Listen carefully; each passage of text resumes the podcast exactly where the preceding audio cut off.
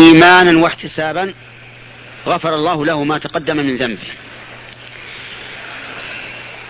فما هي ليلة, فما هي ليلة القدر؟ وفي أي ليلة تكون؟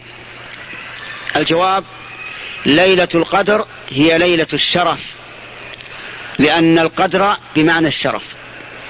ليلة القدر هي ليلة التقدير لأنه يقدر فيها ما يكون في السنة. كما قال تعالى فيها يفرق كل أمر حكيم. هذه ليلة القدر. وفي أي ليلة؟ انتبه. تكون في أيام العشر الأواخر في ليالي في ليالي العشر الأواخر. لأن النبي صلى الله عليه وسلم اعتكف سنة من السنوات. العشر الأول يلتمس ليلة القدر. ثم اعتكف العشر الأوسط يلتمسها. ثم قيل له إنها في العشر الأخير. فاعتكف العشر الأخير. كما ثبت ذلك في حديث أبي سعيد الخدري رضي الله عنه. إذا فهي في إيش؟ في العشر الأواخر من رمضان. وفي أي ليلة؟ نعم. جائز أن تكون ليلة إحدى وعشرين. أو اثنتين وعشرين أو ثلاث وعشرين أو أربع وعشرين أو خمس وعشرين أو ست وعشرين أو سبع وعشرين أو ثمان وعشرين أو تسع وعشرين أو ثلاثين. كل ليلة يمكن أن تكون ليلة القدر. ولكن الأوتار أوكد من الأشفاع كما هي الأوتار؟ واحد وعشرين ثلاث وعشرون خمس وعشرون سبع وعشرون تسع وعشرون. خمس ليال أوكد من اثنتين وعشرين وأربع وعشرين وست وعشرين وثمان وعشرين وثلاثين.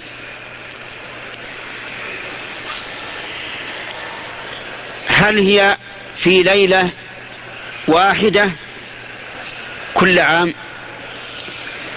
أو تكون ليلة عاما في ليلة سبع وعشرين وعاما في ليلة ثانية. نقول جائز أن تكون في ليلة سبع وعشرين أو خمس وعشرين أو أربع وعشرين ولكن أرجى أوتار, أوتار العشر هي ليلة سبع وعشرين. والدليل على هذا أن النبي صلى الله عليه وعلى آله وسلم أراه الله تعالى ليلة القدر ثم خرج ليخبر الناس. فتلاحى رجلان. يعني تنازعا وتصاخبا فنسيها النبي عليه الصلاة والسلام. ولكنه قال رأيتني أسجد في صبيحتها في ماء وطين.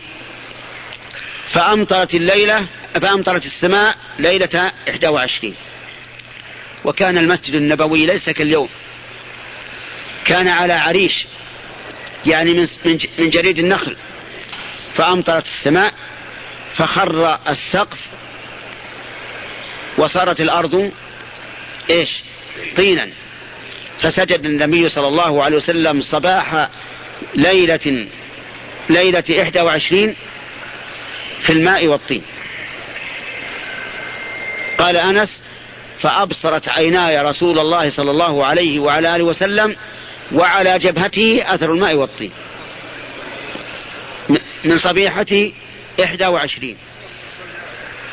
إذا هذا صار في أي, في أي ليلة؟ في ليلة واحد وعشرين. لكن قلت إن أرجاها ليلة سبع وعشرين. وهل لها هل لها علامة؟ نقول نعم. لها علامة يعني متقدمة وعلامة لاحقة. علامتها المتقدمة التي تعرف قبل طلوع الفجر هي أولا إضاءة تلك الليلة. ليلة القدر أشد إضاءة من غيرها من الليالي. مع أنها قد تكون ليلة 27 أو, أو 29 والقمر ضعيف لكن لها نور. ثانيا انشراح صدر المؤمن. المؤمن يجد في قلبه انشراحا وطمأنينة وحبا للعمل وقوة عليه. هذه من العلامات التي تحصل لكثير من الناس. ثالثا أن هذه الليلة تكون من بين الليالي من الليالي الوسط في حرها وبردها يعني إن كنا في زمن الشتاء فلا تكون أشد الليالي بردا.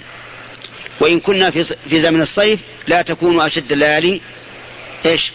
حرا. طيب هذه علامات مصاحبة للناس من أول الليل.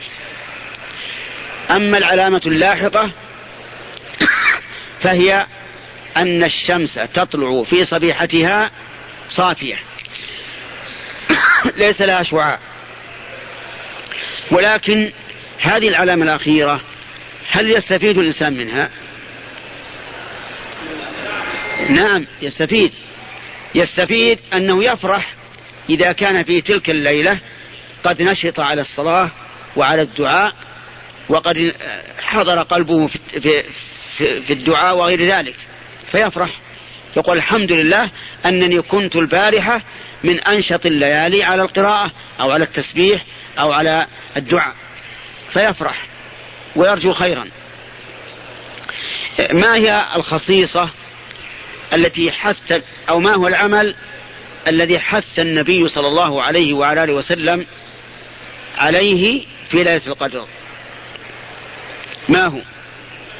القيام. من قام ليلة القدر إيمانا واحتسابا غفر الله له ما تقدم من ذنبه. وبهذا نعرف أن ما يفعله الناس اليوم من تخصيص ليلة القدر بعمرة. كثير من الناس ليلة القدر أي ليلة 27 يذهبون إلى مكة. ليؤدي العمرة ليلة 27 وهذا جهل. جهل منهم. هل قال النبي عليه الصلاة والسلام يوما من الدهر أدوا العمرة ليلة 27 هل الصحابة قالوا ذلك؟ هل أحد من من علماء السلف قال هذا؟ أبدا. ليلة القدر السنة فيها التي حث فيها الرسول حث النبي صلى الله عليه وعلى آله وسلم عليها هي القيام. أما العمرة فليس لها فضل في تلك الليلة.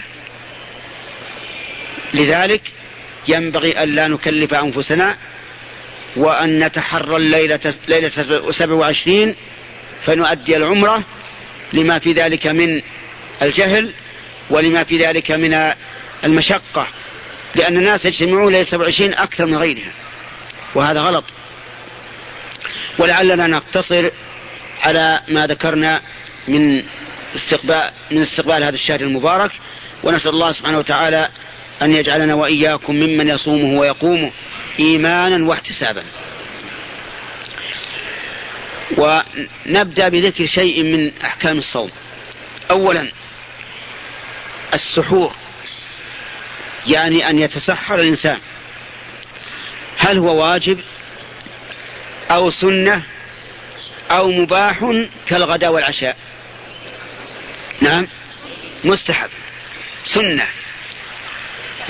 ولهذا ينبغي للإنسان إذا قدم له السحور أن يستحضر ثلاثة أشياء. انتبه لها. يستحضر ثلاثة أشياء. أولا امتثال أمر النبي صلى الله عليه وسلم. يعني تستحضر كأن الرسول يقول تسحر. فتتسحر أنت كأنك تقول بلسان الحال سمعا وطاعة. وأنت إذا تسحرت امتثالا لأمر الرسول عليه الصلاة والسلام فإنك تثاب عليه. ثانيا تستحضر اتباع الرسول عليه الصلاة والسلام. لأن النبي صلى الله عليه وسلم كان يتسحر. كان يتسحر ويؤخر السحور حتى حتى إنه لم يكن بينه وبين الصلاة إلا قدر خمسين آية. فأنت الآن تأكل وكأن النبي صلى الله عليه وعلى آله وسلم أمامك يأكل. يعني من جهة الاتباع وإلا فهو قد مات صلوات الله وسلامه عليه لكن من جهة الاتباع. ثالثا تستحضر الاستعانة بهذا السحور على إيش؟ على الصوم الذي هو فريضة من فرائض الله فتكون مستعينا بذلك على الفريضة وما أعان على الفريضة فإنه خير. استحضر هذه الثلاث الأمور. ولكن أكثر الناس ونحن منهم في بعض الأحيان لا يستحضر عند السحور إلا إيش؟ إلا ملء البطن. لا يستحضر أن هذا سنة مأمور به. وأنه يتبع في ذلك رسول الله صلى الله عليه وعلى آله وسلم وأنه يستعين به على طاعة الله. ثانيا في في الفطور. في الفطور يسن أن, يت... أن, يبد... أن يبادر الإنسان في الفطور. لقول النبي صلى الله عليه وعلى آله وسلم في حديث سهل بن سعد لا يزال الناس بخير ما عجلوا الفطر. ما عجلوا الفطر. فمن لم يعجل الفطرة فليس بخير. لا يزال الناس بخير ما عجلوا الفطرة بادر. من حين أن تغرب الشمس أفطر. أو من حين أن يؤذن. أجيبه. من حين أن تغرب الشمس. وعلى هذا فلو كنت في البر وأنت تشاهد الشمس غربت وغاب قرصها ولكن لم يؤذن. هل تفطر؟ نعم أفطر. أفطر بأمر الله ورسوله. قال الله تبارك وتعالى ثم أتم الصيام إيش؟ إلى الليل. والليل يدخل بغروب الشمس.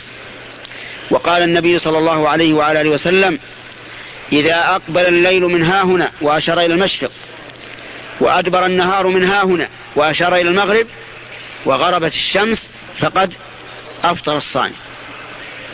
طيب عكس هذا لو أنك سمعت المؤذن يؤذن وأنت تشاهد الشمس لم تغرب. تفطر أو لا تفطر؟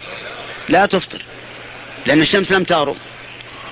طيب ويكون الإفطار على تمر على رطب فإن لم يكن فتمر فإن لم يكن فماء فإن لم يكن فعلى أي طعام حلال. وإنني بهذه المناسبة أود أن أزجي نصيحة لإخواننا المدخنين. إخواننا المدخنون لا شك أنهم سوف يصومون عن الدخان في النهار. لا يا أبو عبد العزيز هم إخواننا يا أخي. لا أخوان.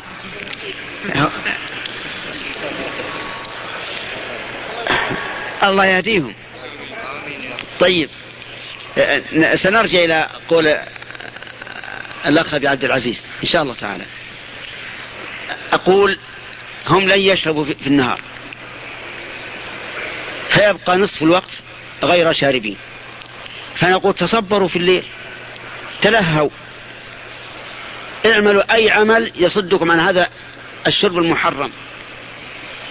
فإذا تلهوا في الليل ومضى عليهم ثلاثون ليلة لم يشربوا فإني أضمن لهم أن الله سيخلصهم من هذا الشراب الخبيث إذا أخلصوا النية لله. لأن الدخان يصعب إلا على إنسان ذي عزيمة قوية أن يتركه الإنسان مرة واحدة. لكن من كان عنده قوة قوة عزيمة وإيمان بالله تركه بلحظة. كما جرى لأناس كثيرين من الله عليهم بالهداية وتركوه. فأقول يستغل ليستغل إخواننا المدخنون هذه الفرصة حتى يخرج رمضان وقد من الله عليهم بترك المحرم. وأما أبو عبد العزيز فعنده غيرة تامة يكره الشيء المحرم. لكن أخبره بأن رحمة الله واسعة وأن رحمته سبقت غضبه. وأقول لكم جميعا ما تقولون في قتل المؤمن عمدا؟ حرام ولا لا؟ حرام ولا غير حرام؟ طيب. ومع ذلك سمى الله القاتل أخا للمقتول. سمى أخوه. أين الدليل؟ قول الله تعالى يا أيها الذين آمنوا كتب عليكم القصاص في القتلى الحر بالحر والعبد بالعبد والأنثى بالأنثى. أتم؟ فمن عفي له من أخيه شيء والقاتل فعل كبيرة من كبائر الذنوب عظيمة.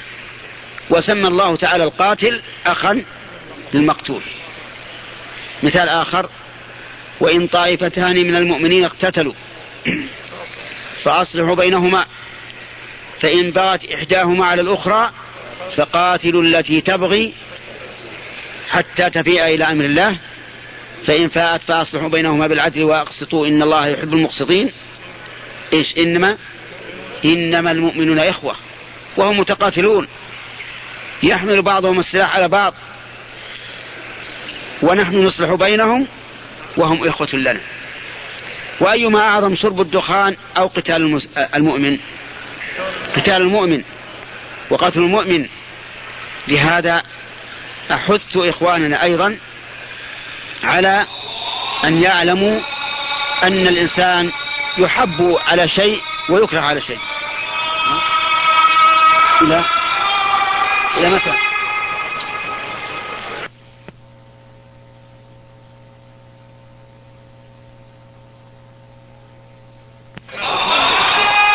نجيب المؤذن. نجيب المؤذن. اي نجيب المؤذن أقول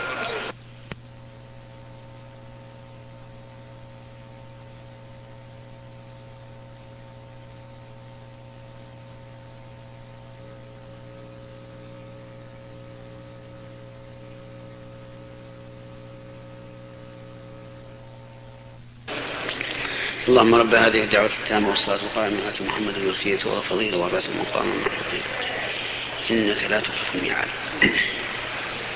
أقول بارك الله فيكم. لا شك أننا نكره المعاصي ونكره فعلها. لكن إذا عصى إنسان معصية لا تخرجه من الدين فإننا نحبه على ما معه من الإيمان ونكرهه على ما معه من المعصية. ونحاول النصح له بقدر الإمكان. و ولا نهجره لا نهجر العاصي إلا إذا كان في هجره مصلحة بحيث يرتدع عن معصيته فحينئذ نهجره. أما إذا كان لو هجرناه لازداد في المعصية وكرهنا وكره نصحنا فإن الهجر هنا لا يزيد الأمر إلا إلا شدة. فإن قال قائل أليس النبي صلى الله عليه وسلم قد هجر هو وأصحابه كعب بن مالك وهلال بن أمية ومرارة بن الربيع لما تخلفوا عن غزوة تبوك بلا عذر قلنا بلى. ولكن هل هجر هؤلاء الثلاثة أفاد فيهم أم لم يفد؟ لا شك أنه أفاد. أفاد فائدة عظيمة. ضاقت عليهم الأرض بما رحبت وضاقت عليهم أنفسهم وظنوا أن لا ملجأ من الله إلا إليه. ظنوا أي أيقنوا أن لا ملجأ من الله إلا إليه فلجأوا إلى الله. وماذا حصل؟ حصل أن الله تاب عليهم وأنزل فيهم آيات تتلى في, الصلاة. يعني ليس أحد من الناس تحدث الله عنه بالثناء والتوبة في كتابه إلا هؤلاء الثلاثة من الصحابة. وهذه منقبة عظيمة. بل قال الله للمؤمنين جميعا يا أيها الذين آمنوا اتقوا الله وكونوا مع الصادقين. كونوا مع هؤلاء اصدقوا فإذا أفاد الهجر لجأوا إلى الله. حتى فرج الله عنهم وأنزل توبتهم. فهذا الرجل لنفرض أننا نقابل رجلا يحلق لحيته. حلق اللحية حرام. إثم معصية. يزداد الإنسان به إثما وخطيئة لأنه بارز الله بمعصية رسول الله. ماذا قال الرسول؟ قال وفروا اللحى. أرخوا اللحى أوفوا اللحى خالفوا المجوس خالفوا المشركين. يأتي هذا يحلقها. هل قال للرسول سمعا وطاعة؟ لا ما أطاع الرسول. عصى. إذا فهو إثم. لكن هذا رجل قابلنا حالقا لحيته. حال حالقا لحيته. هل نهجره؟ إن كان الهجر يفيد أننا إذا هجرناه هجره الناس وتاب إلى الله ورجع نهجره.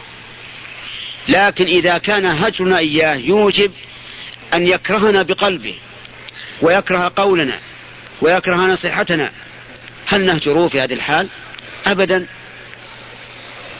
نقابل بهدوء. هذه المسائل يا إخواني ينبغي ينبغي ألا نغلب جانب العاطفة على جانب الحكمة. أليس كذلك؟ العاطفة صحيح الإنسان ربما يفور دمه. إذا رأى هذا الرجل يبارز الله بالعسام بحلق اللحية. لكن ليس من الحكمة أن يهجره لأن يعرف أني إذا هجرته لا, لا لم يبالي بي شيئا ولم يقبل مني نصيحة وسيحمل في قلبه كراهة لي. لكن لو أسلم عليه ربما يحبني. ويأخذ مني ويقبل مني. والمقصود هو الإصلاح إصلاح هؤلاء إصلاح العاصي. هل المقصود إصلاح العاصي أو الانتقام من ها؟ المقصود إصلاحه بأي وسيلة؟ أقول إصلاحه بأي وسيلة. ومن الوسيلة أننا إذا رأينا أننا لو هجرناه لازداد في معصيته لا, لا فإننا لا, لا نهجره. نسلم عليه ونجعله يألفنا وننصحه. إذا هذا الرجل نحب ما معه من الإيمان ونكره ما معه من من المعصية.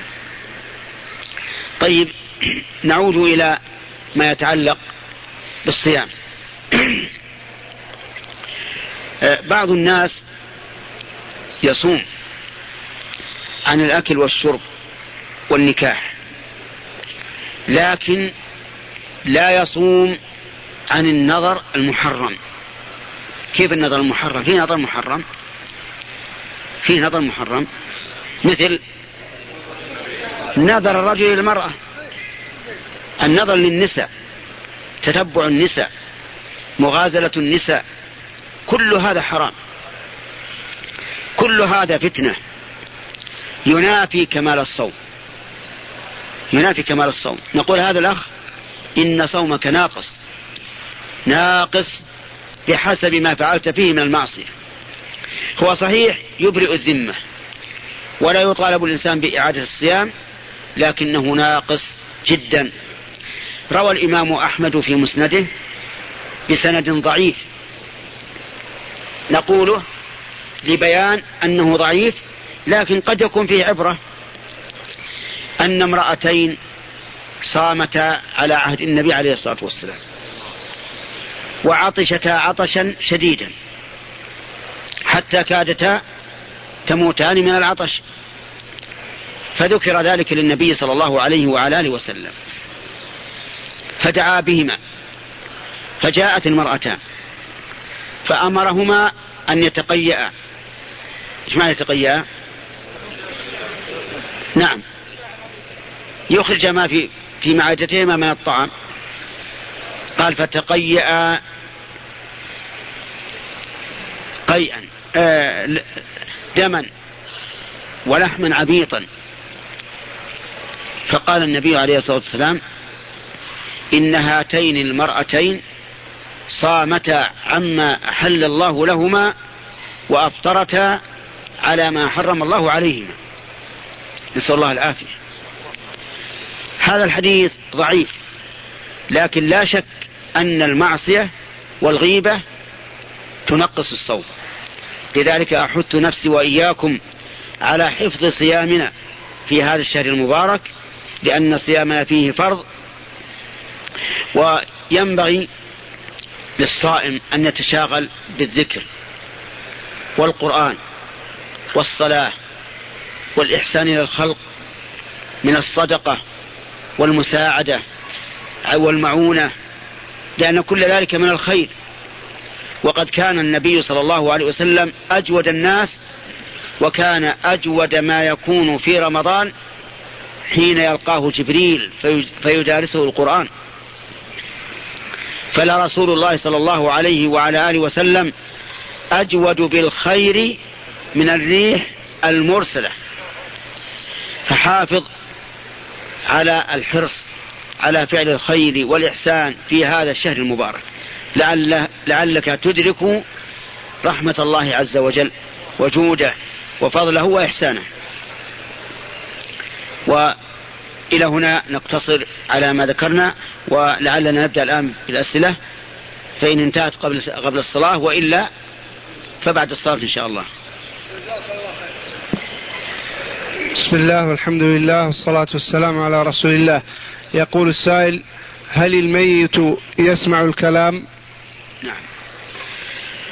الميت يسمع الكلام حسب ما جاء في السنة منها ما ذكرناه انفا وهو سماع المشركين لكلام النبي صلى الله عليه وسلم حين ألقوا في قليب بدر ووقف عليهم يوبخهم هذا واحد. ومنها أن النبي صلى الله عليه وعلى آله وسلم أخبر أن الميت إذا دفن فانصرف عنه أصحابه فإنه يسمع قرع نعالهم.